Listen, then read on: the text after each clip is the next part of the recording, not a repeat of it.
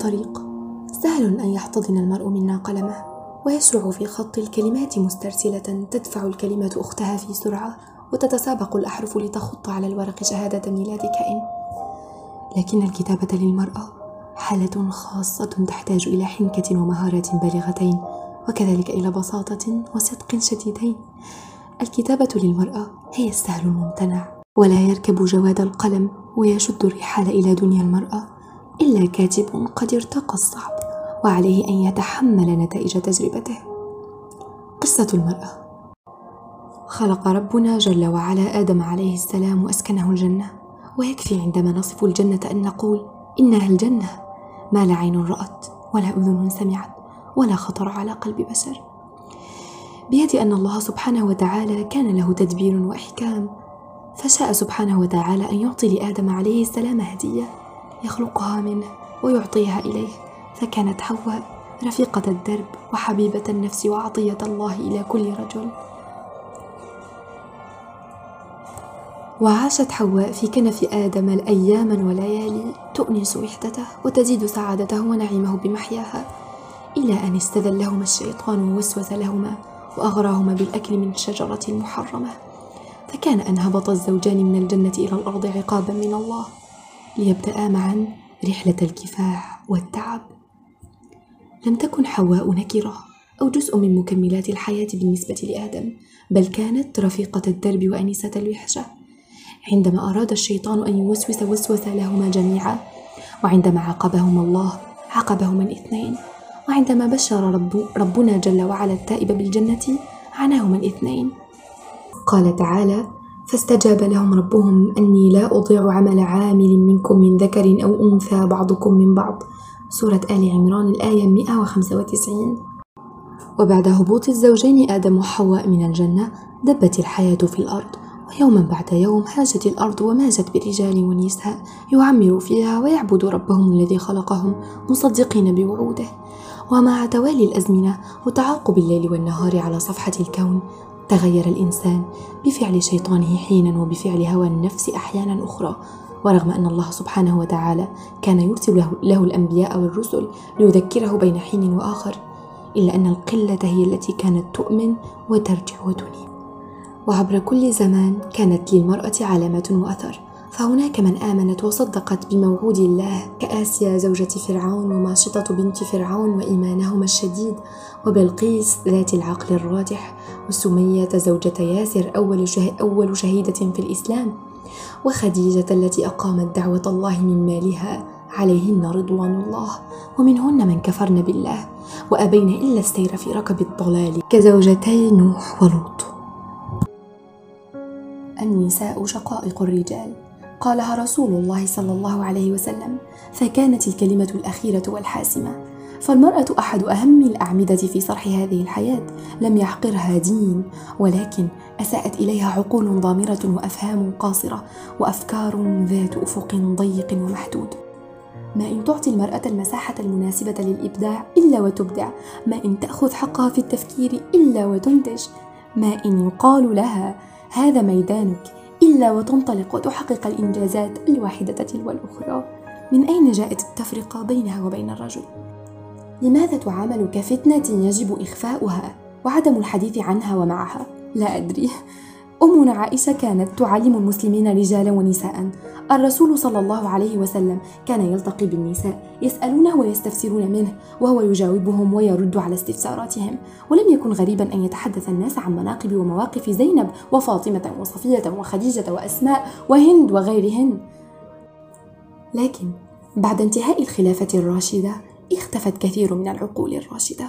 وكلما بعد الفارق بيننا وبين فترة النبوة كلما هبطت قيمة المرأة في حياتنا. ولا يلحظ قيمة المرأة الحقيقية إلا المتأمل في قيمتها في تراثنا الإسلامي بشرط أن يكون صاحب عقل ثاقب لماح. أما عن المرأة في الغرب وإلا فبقدر بعض الحرية التي تمتلكها سواء الحقيقية أو الوهمية بقدر الذل والهوان التي ترتع فيه. فليس هذا موضع حديثنا. ولك أختي الطموحة أتوجه بحديث يداعب مكامن الهمة وأصحبك في جولة في دروب النجاح ودنيا الناجحات. حديث قد يجنح إلى السرد العلمي الجاف تارة والقصة والحكمة والطرفة تارة أخرى. تغلب عليه روح البساطة فهو كتاب تأملات يداعب تلك المساحة الرقيقة بداخلك فتشحذ تأملاتك وتدفعها إلى التفكير الإيجابي الفعال. إن هذا الكتاب خط لكل طموحة استفزها النجاح فشدت الخطوة إليه ونادتها قمم المجد فلبت غير مسوفة وداعبها النور فأغلقت دون غيره باب قلبها امرأة ترى التميز حقا لها والرفعة رداء لها وفي سجل النجاح مرقد اسمها تؤمن أن العظماء ولدوا مثلها هم أخذوا دورهم في تقديم الإنجازات للبشرية وهي قادمة بخطو واثق تحمل في قلبها عزما وإصرارا وفي قلبها رشدا وتنويرا. هدفها إعمار الأرض وإسعاد البشرية تحقيقا لغاية خلقها. شعارها إن الله لا يضيع أجر المحسنين وأدواتها نبل الخلق وطهارة الوسيلة. فإن كنت المعنية فأهلا بك رفيقة درب وشريكة حلم نقاسمها الأمل ونجاورها في القمة. قبل أن نقرأ أولا ألفت انتباهك أخيتي أن دساتير البشر قاطبة ليست ذات قيمة طالما لم تترجم في سلوك بشري واقعي. وهذا الكتاب ليس ذا قيمة ما لم نضعه على أرض الواقع ونحاول تطبيق ما أعجبنا واستهوانا فيه. ثانيا أي كتاب يطالبك بأن تكوني شخصية أخرى؟ فهو غير واقعي. والشخص الذي يحدثك عن ثروة شاملة في سلوكك وأفكارك ودوافعك دفعة واحدة هو شخص متفائل إلى حد بعيد. إن أحد أهم الطرق التي ينصح بها علماء النفس هي أن تتعهدي لنفسك بعهود بسيطة ومن ثم تقومين بالوفاء بها. فالعهود البسيطة تعطي مصداقية كبيرة. أما أن تحاول القيام بطفرة شاملة فللأسف الفتور يأتي سريعا.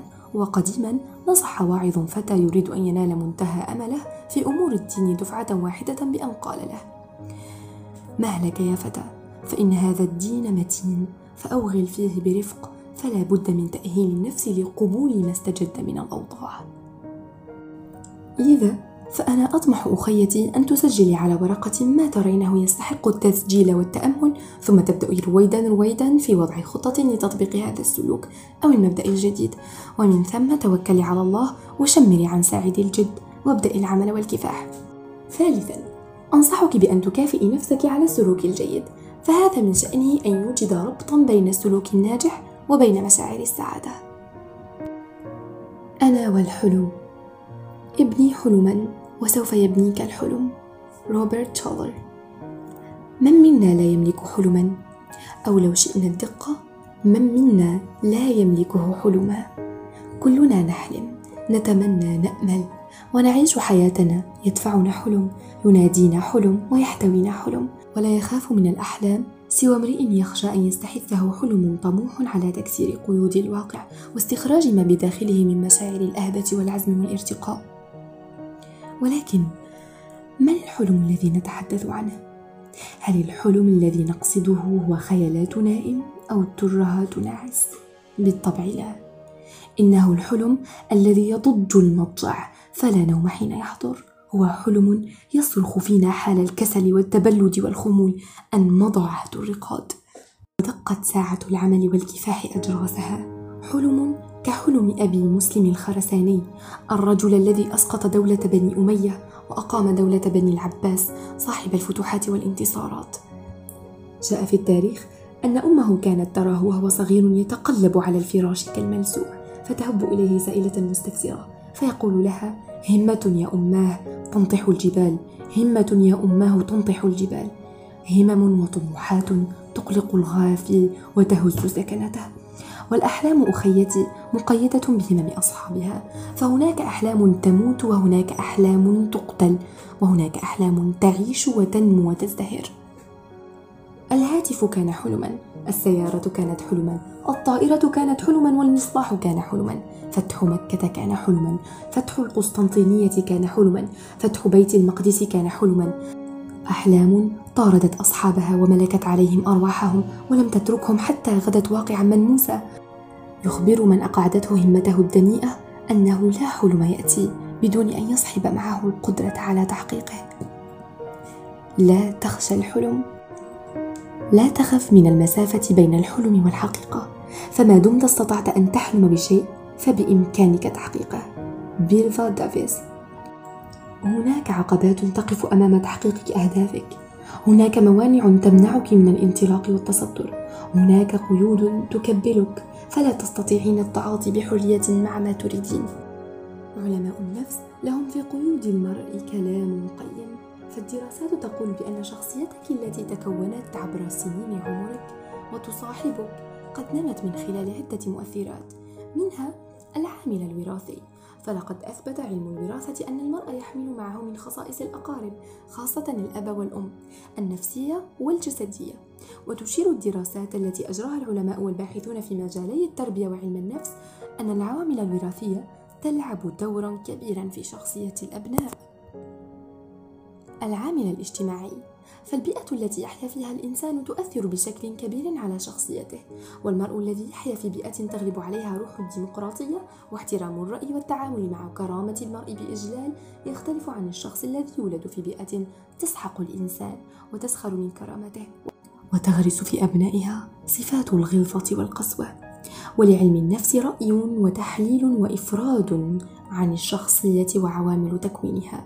والمؤثرات التي تلعب دورا في نشأتها وليس هذا مجال الشرح والبسط لكننا نقف عند العاملين اللذين رأى كثير من العلماء أنهما يشكلان بشكل أكبر شخصية المرء وبأن الشخصية هي مزيج من تفاعل مستمر بين المعطيات الوراثية بمختلف أبعادها والبيئة الاجتماعية بمختلف تأثيراتها فعلى الجانب الوراثي نرى أن رسول الله صلى الله عليه وسلم في الحديث يعني نبه في الحديث أن تخيروا لنطفكم فإن العرق دساس. لتكون نصيحة هامة لمن أراد النشأ سليمة يتمتع بنفسية طيبة وشخصية قويمة. وفي الجانب الاجتماعي نرى كذلك أن رسول الله صلى الله عليه وسلم نبه كثيرا على صلاح البيئة التي ننشئ فيها أنفسنا وأبناءنا. والجانب الاجتماعي يتكون من المجتمع وهناك حديث قاتل المئة نفس الطامح في عفو ربه. كانت النصيحة التي قالها العالم له أن يذهب لأرض كذا فإن فيها قوما لا يعصون الله. أي اتخذ بيئة ومجتمعا أنظف من تلك التي كنت فيها. كذلك البيئة تتكون من الأسرة. يقول رسول الله صلى الله عليه وسلم كل مولود يولد على على الفطرة فأبواه يهودانه أو ينصرانه أو يمجسانه. فكانت الأسرة بأهم عنصريها الأب والأم مسلك رشد أو ضلال للمرء. ومن عوامل البيئة أيضا الأصدقاء والخلان. وفي الحديث الشريف أن المرء على دين خليله فلينظر أحدكم من يخالل. ولكن هذه أنك الآن قد ولدت من أبوين لهما صفات وراثية ما وتعيشين في أسرة لا تستطيعين تغييرها. فهل مضى الوقت ولم يعد هناك متسع منه؟ هل الشخصية التي تتكون من جينات وراثية وعوامل بيئية ستتحكم فينا وتجبرنا على الانصياع لما تريد؟ والإجابة أن لا وألف لا. فالتاريخ عامر والحياة ذاخرة والأيام تتحدث. إن خبر عمر بن الخطاب غليظ القلب شديد البأس على المسلمين أيام الجاهلية الرحيم البكاء الدامع أيام الإسلام تؤكد أن لا. سيف خالد الذي ارتفع لينصر قريش على جيش الإسلام وحارب مع الباطل ضد الحق. عكرمة بن أبي جهل ووحشي بن حرب قاتل حمزة وكل من عبد صنما وذبح له ثم أسلم وحسن إسلامه. يخبرونك أخيتي أن لا الوراثة والبيئة الجاهلية تهاوت أمام استعلاء الإيمان في قلب الواحد منهم. فتغيروا وغيروا الدنيا وأعطوا لمن بعدهم الأمل في التغيير. إن التوبة والإنابة هما أحد استراتيجيات التغيير في ديننا الجميل، وحساب النفس ومراجعتها شيء من التقويم الذاتي الذي شدد عليه علماء النفس والشريعة. وقد نضرب الأمثلة أخيتي لأشخاص فعلوا المستحيل وغيروا الكثير، لكنني أؤمن أن الاستزادة من الأمثلة الخارقة قد يأتي بتأثير عكسي، خاصة أنك لست مطالبة بخوارق الأمور أو تغيير صفحة الكون. كل ما أنت مطالبة به أن تراجعي نفسك وتجاوبي على سؤال هام وهو هل من الممكن أن أكون أفضل مما أنا عليه؟ أفضل نفسيا أسريا اجتماعيا ماديا ثقافيا؟ فإذا كانت إجابتك بلا فعذرا أخطأت الإجابة. فلا يوجد أحد قد وصل إلى منتهى طاقته وغاية إمكاناته. وإن كانت إجابتك بنعم أو نعم طبعا فما عليك سوى أن تسألي نفسك السؤال التالي كيف؟ كيف أنمي وأطور نفسي؟ كيف أتبنى حلما وأسعى لتحقيقه بلا كلل أو فتور؟ لقد عددت لك أخيتي في الصفحات القادمة خمس صفات تعينك على إجابة هذه الأسئلة وتأخذ بيديك نحو تحقيق حلمك وأهدافك صفحات لا تريد قارئة تعشق القراءة وتستمتع باسترسال العبارات بقدر ما تبحث عن امرأة لديها من العزم ما يؤهلها لتحقيق حلمها مساحة تأمل قالوا عن الأحلام لو أردت أن تتحول أحلامك إلى حقيقة فإن أول ما عليك فعله هو أن تستيقظي من النوم.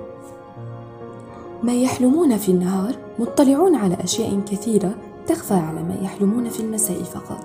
أجار آلن بو عندما تتحول أحلامك إلى تراب فقد حان وقت الكنس مجهول.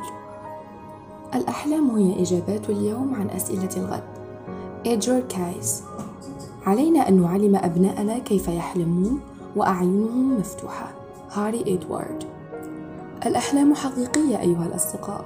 الفشل في تحقيقها هو الشيء الوحيد الزائف توني كيد بامبيرا لقد أزلنا سقف أحلامنا. لا يوجد, أح... لا يوجد أحلام مستحيلة. جيمس جاكسون.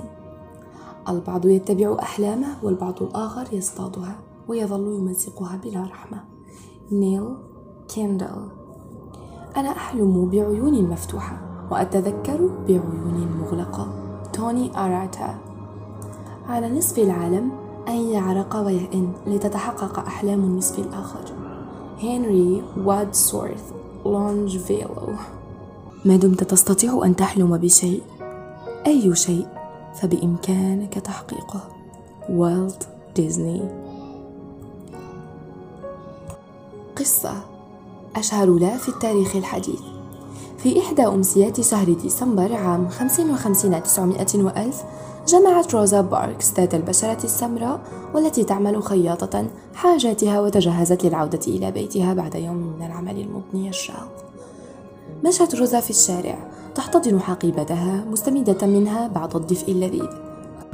لفتت يمنة ويسرى ثم عبرت الطريق ووقفت تنتظر الحافلة كي تقلها إلى وجهتها. وأثناء وقوفها الذي استمر لدقائق عشر كانت روزا تشاهد في ألم منظرا مألوف. في أمريكا آنذاك. وهو قيام الرجل الأسود من كرسيه ليجلس مكانه رجل أبيض. لم يكن هذا السلوك وقتها نابعا عن روح أخوية أو لمسة حضارية بل لأن القانون الأمريكي آنذاك كان يمنع منعا باتا جلوس الرجل الأسود وسيده الأبيض واقف حتى وإن كانت الجالسة امرأة سوداء عجوز. وكان الواقف شابا أبيضا في عنفوان شبابه فتلك مخالفة تغرم عليها المرأة العجوز. وكان مشهورا وقتها أن تجد لوحة معلقة على باب أحد المحلات التجارية أو المطاعم مكتوبا عليها ممنوع دخول القطط والكلاب والرجل الأسود. كل تلك الممارسات العنصرية كانت تصيب روزا بحالة من الحزن والألم والغضب. فإلى متى يعاملون على أنهم هم الدون والأقل مكانة لماذا يحقرون ويزدرون ويكونون دائما في آخر الصفوف ويصنفون سواء بسواء مع الحيوانات؟ وعندما وقفت الحافلة استقلتها روزا وقد أبرمت في صدرها أمرا. قلبت بصرها يمنة ويسرى فما أن وجدت مقعدا خاليا إلا وارتمت عليه وقد ضمت حقيبتها إلى صدرها وجلست تراقب الطريق الذي تأكله الحافلة في هدوء إلى أن جاءت المحطة التالية وصعد الركاب وإذ بالحافلة ممتلئة وبهدوء اتجه رجل أبيض إلى حيث تجلس روزا منتظرا أن تفسح له المجال. لكنها ويا للعجب نظرت له في اللامبالاة وعادت لتطالع الطريق مرة أخرى. ثارت ثائرة الرجل الأبيض وأخذ الركاب البيض في سب روزا والتوعد لها إن لم تقم من فورها وتجلس, وتجلس الرجل الأبيض الواقف. لكنها أبت وأصرت على موقفها فما كان من سائق الحافلة أمام هذا الخرق الواضح للقانون إلا أن يتجه مباشرة إلى الشرطة كي تحقق مع تلك المرأة السوداء التي أزعجت السادة البيض وبالفعل تم التحقيق معها وتغريمها 15 دولارا نظير تعديلها على حقوق الغير. وهنا انطلقت الشرارة في سماء أمريكا.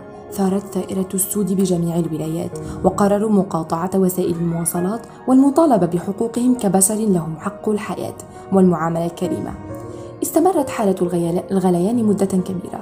امتدت ل 371 يوما واحد عفوا 381 يوما وأصابت أمريكا بصداع مزمن. وفي النهاية خرجت المحكمة بحكمها الذي نصر روزا باركس. في محنتها وتم إلغاء ذلك العرف الجائر وكثير من الأعراف والقوانين العنصرية. وفي السابع والعشرين من أكتوبر عام 2001 بعد مرور 42 سنة على هذا الحادث تم إحياء ذكرى الحادثة في التاريخ الأمريكي حيث أعلن السيد ستيف هامب مدير متحف هنري فورد في مدينة ديربورن, ديربورن في ميتشيغان عن شراء الحافلة القديمة من موديل الأربعينات التي وقعت فيها حادثة السيدة روزا باركس التي قد قدحت الزناد الذي دفع حركة الحقوق المدنية في أمريكا للاستيقاظ بحيث تعدل وضع السود. وقد تم شراء الحافلة بمبلغ 492 ألف دولار أمريكي. وبعد أن بلغت روزا باركس الثمانين من العمر تذكر في كتاب صدر لها لاحقا بعنوان القوة الهادئة عام 94 900 وألف. بعضا مما اعتمل في مشاعرها آنذاك فتقول في ذلك اليوم تذكرت أجدادي وآبائي واتجأت إلى الله فأعطاني القوة التي يمنحها للمستضعفين. وفي الرابع والعشرين من أكتوبر عام 2005 احتشد الآلاف من المشيعين الذين تجمعوا للمشاركة في جنازة روزا باركس رائدة الحقوق المدنية الأمريكية التي توفيت عن عمر يناهز ال 92 عاماً.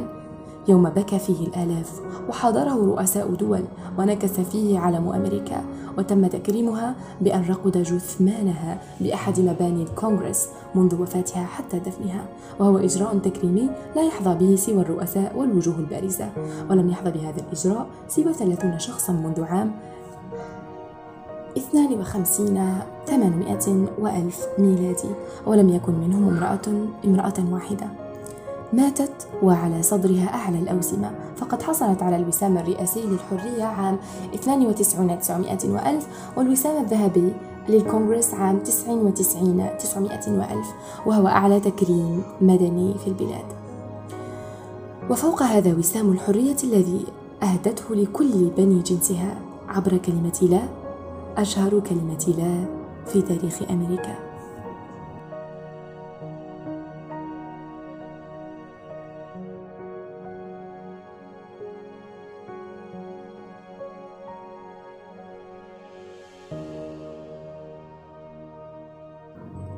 نقطة البداية. مرحبا بك أخيتي الكريمة في هذه الجولة الممتعة. أحببت أن أبدأ حديثي معك بقصة روزا باركس. كي نرى ما الذي يمكن أن تفعله المبادرة الإيجابية أحببت أن أبدأ بامرأة أزالت بموقفها بعض العفن عن وجه أمريكا الكريه ووقفت في, جج... في شجاعة أمام الغطرسة الأمريكية في فترة حادكة سوداء. كان يمكن أن يزرخ السود تحت وطأة الذل والاستعباد أمدا طويلا إذا ما قالت روزا لنفسها إني امرأة ضعيفة مضطهدة. كان يمكن أن ينتهي الذل قبل ذلك الموقف بزمن لو بادر أحدهم بقول لا وتحمل تكاليف قولها كل حدث تاريخي جلل وكل موقف كبير مشرف كان وراءه شخصية مبادرة تؤمن بقدرتها على قهر ما اصطلح الناس على تسميته بالمستحيل فكيف يصبح المرء منا شخصية مبادرة؟ كيف يمكن أن نصنع بأيدينا العالم الذي نحيا فيه؟ هذا ما سنتحدث عنه فأهلا بك معنا. في البدء دعينا نعرف المبادرة ونقول: المبادرة هي قدرة المرء على التحكم بحياته وتوجيه شراع أهدافه وطموحاته إلى الوجهة التي يريدها متحديا الرياح والأعاصير متخطيا العوائق والعقبات. مدركا أن سلوكه نتاج لخياره خياره الواعي المرتكز على القيم أكثر من كونه نتاج ظروفه المرتكزة على المشاعر.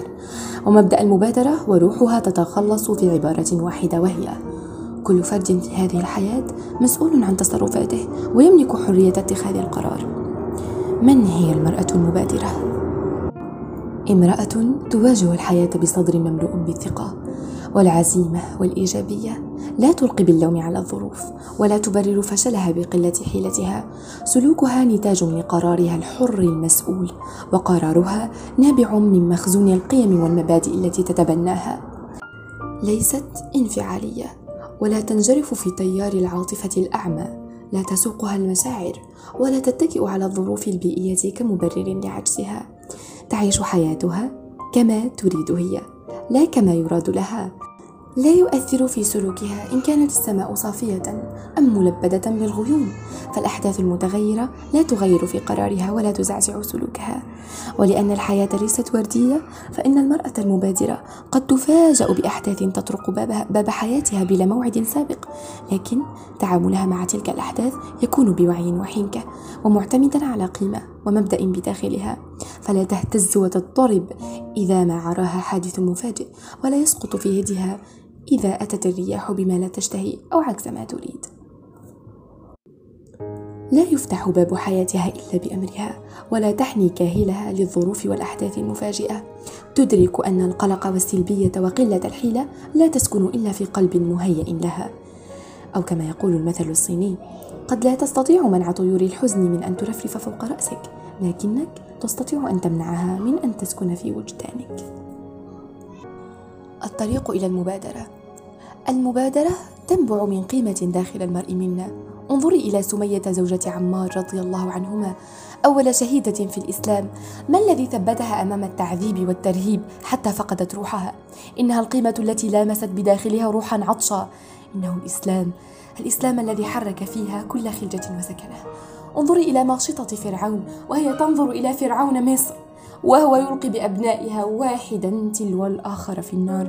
ما الذي ثبتها وقواها غير تلك العقيدة التي تحتل في وجدانها الشيء الكثير. تأملي في القصة التي صدرنا بها حديثنا. ما الذي جعل تلك المرأة السوداء تقف في وجه الظلم والبغي سوى قيمة الحرية التي تنامت في قلبها؟ الطريق إلى المبادرة. المبادرة تنبع من قيمة داخل المرء منا. انظري إلى سمية زوجة عمار رضي الله عنهما أول شهيدة في الإسلام. ما الذي ثبتها أمام التعذيب والترهيب حتى فقدت روحها؟ إنها القيمة التي لامست بداخلها روحا عطشا. إنه الإسلام الإسلام الذي حرك فيها كل خلجة وسكنة. انظري إلى ماشطة فرعون وهي تنظر إلى فرعون مصر. وهو يلقي بأبنائها واحدا تلو الآخر في النار. ما الذي ثبتها وقواها غير تلك العقيدة التي تحتل في وجدانها الشيء الكثير.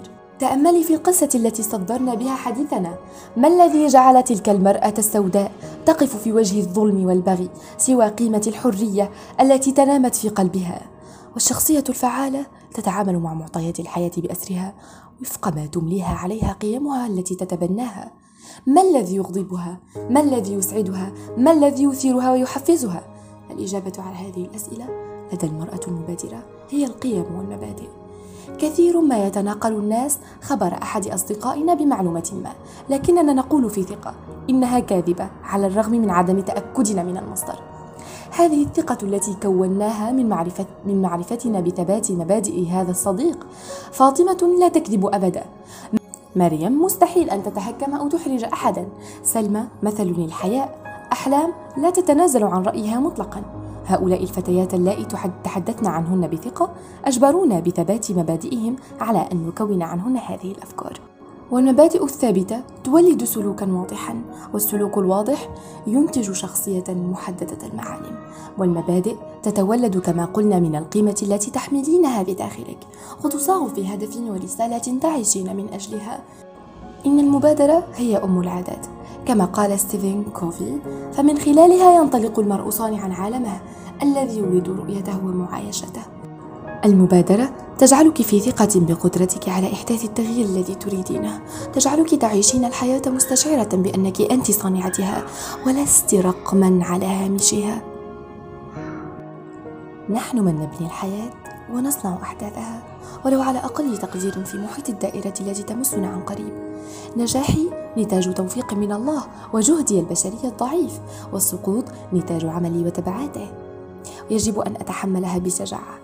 إن إلقاء تبعات الفشل في الحياة على الظروف صار بضاعة الضعفاء وقليلي الحيلة وفقراء الإدار الإرادة. أما أصحاب اليقين الحي فيدركون جيدا جيدا أن حياتهم من صنع أيديهم وأنهم محاسبون على كل كبيرة, كبيرة وصغيرة فعلوها في هذه الحياة. دعيني أسألك ما الذي يجبرك بالنوم على, على فراش غير مرتب وغير مريح؟ ما الذي يمنعك من اقتطاع دقائق في إعادة ترتيبه وتهيئته كي يناسبك؟ حياتك أخيتي كالفراش ما الذي يجبرك على العيش في إطار مهلهل أهداف ضائعة وقيم مشوشة وفوضى عارمة إذا لم تكن حياتك مرتبة فأفضل شيء أن تبادر بترتيبها في الحال وبلا إبطاء إذا كانت هناك ثمة مشكلات مع زوجك فبادر بإيجاد الحل ولا تترك حياتك الزوجية عرضة لفلتات اللسان وفارسة لردود الأفعال. إذا كانت ابنتك تتبنى أفكار ليست جيدة فبادر بنصحها وهدايتها واتبعي في نصحها. حكى أحد علماء النفس قصة أخوين نشأا في بيئة فاسدة فأبوهما رجل مدمن سيء الخلق يضرب أمهم ويعتدي عليهم بسلاطة لسانه وعصاه في ذهابه وإيابه. إلى أن اتهم ذات يوم بقضية سرقة أودع بسببها السجن إلى أن مات لكن المحير أن أحد أبناء هذا الرجل صار على درب أبيه في إدمانه وسوء خلقه ولم يكن عجيبا أن ينال نهاية كنهاية, أبي كنهاية أبيه. فأودع السجن في قضية سرقة. والابن الآخر قدم أوراقه في إحدى المدارس وبحث له عن عمل مسائي فكان يعمل ويدرس إلى أن صار طبيبا مشهورا يقصده الناس لعلمه الغزير وخلقه الجم. توقف عالم النفس أمام هذا المشهد المحير المحير عفوا متسائلا بالرغم من أن النشأة التنشئة واحدة فما الذي ذهب بأحد الأبناء في طريق الإدمان وحياة الاستهتار وبالآخر في طريق العلم والعمل الجاد ولم يجد بدا من أن يحمل أسئلته ويذهب إلى الابن الذي في السجن ويسأله سؤالا واحدا وهو لماذا؟ لماذا أنت في السجن الآن؟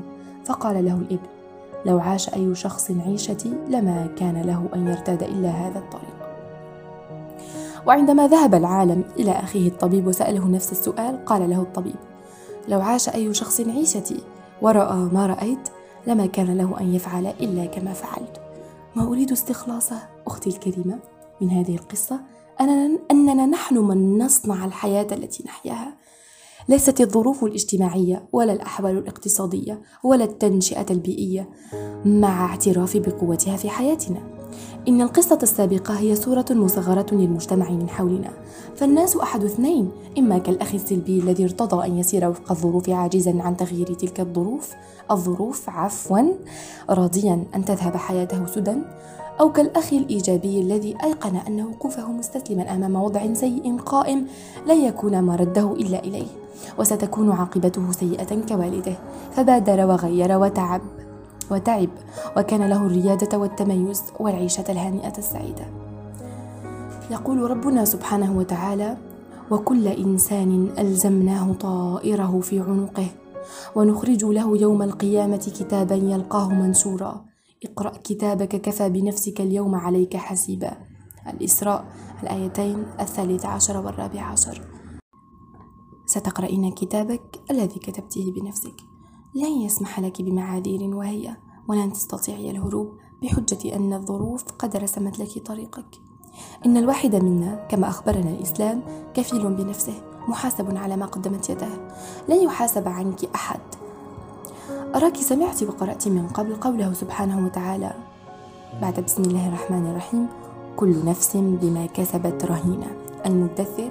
الآية الثامنة وثلاثين ودعيني أسوق لك خبر أقوام يأتون يوم القيامة حاملين معاذير وهي عن الظروف التي أجبرتهم على مواكبة الأحداث وتقزمهم في وجه ما تأتي به الأيام. وكيف أنهم سيصفون أنفسهم بأنهم مستضعفون لا حيلة لهم. والعجيب أن الله سبحانه وتعالى عندما يأتي لوصفهم في كتابه العزيز لا يصفهم بالضعفاء ولا المساكين بل يصفهم بالظلمة نعم هم ظلمة لأنهم ارتضوا أن يعيشوا الحياة مطأطئي الرأس. خانعين سلبيين غير مبادرين. يقول ربنا واصفا حالهم.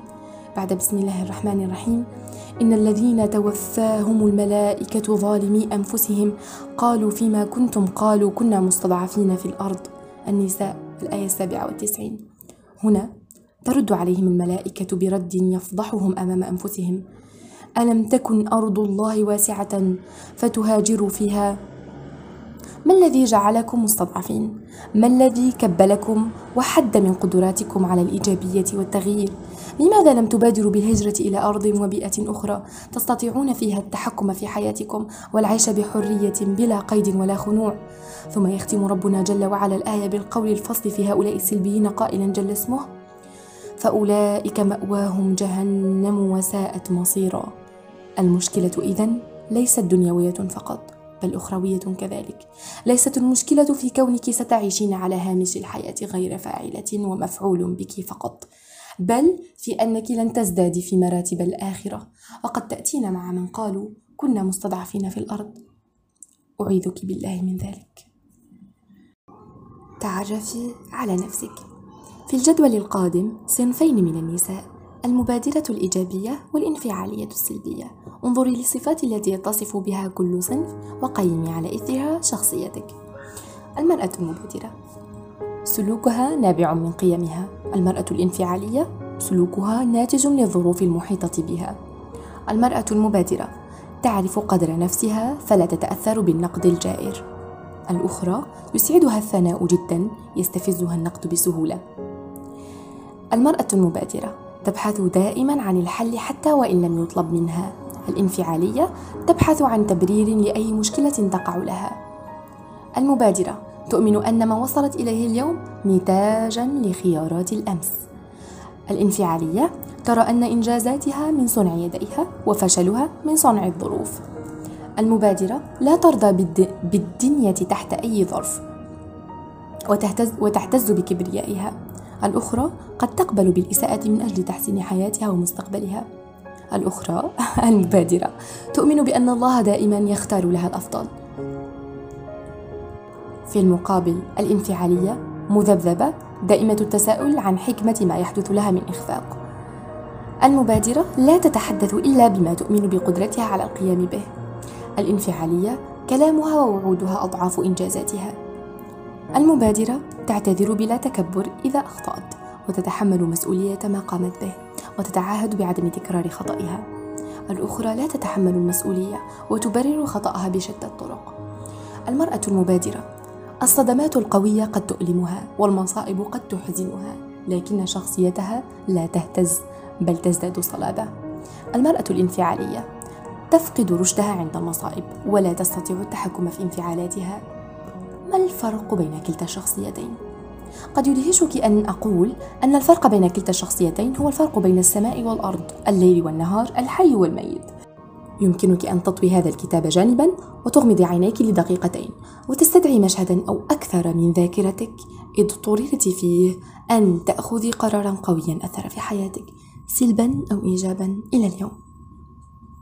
سأعطيك دقيقتين مع موسيقى هادئة. فكري.